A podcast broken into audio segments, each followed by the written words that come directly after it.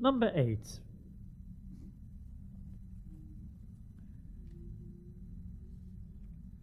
Kinkakuji, literally, Temple of the Golden Pavilion, officially named Rokuonji, literally Deer Garden Temple, is a Zen Buddhist temple in Kyoto, Japan.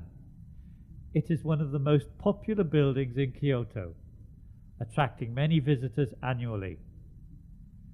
It is designated as a National, Spe- National Special Historic Site, a National Special Landscape, and is one of 17 locations making up the historic monuments of ancient Kyoto, which are World Heritage Sites.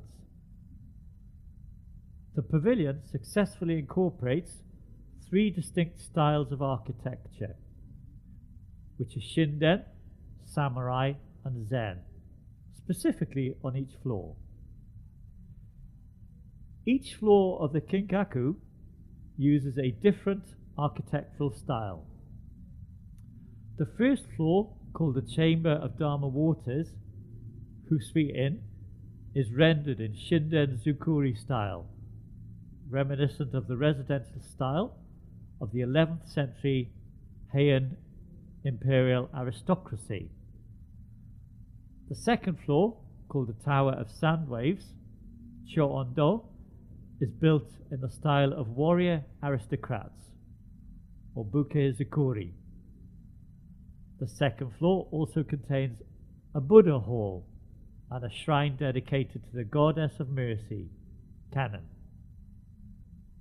The third floor is built in traditional Chinese Chan, or Japanese Zen style, also known as Zenshu Butsuden Zukuri. It is called the cupola of the ultimate, Kokiocho.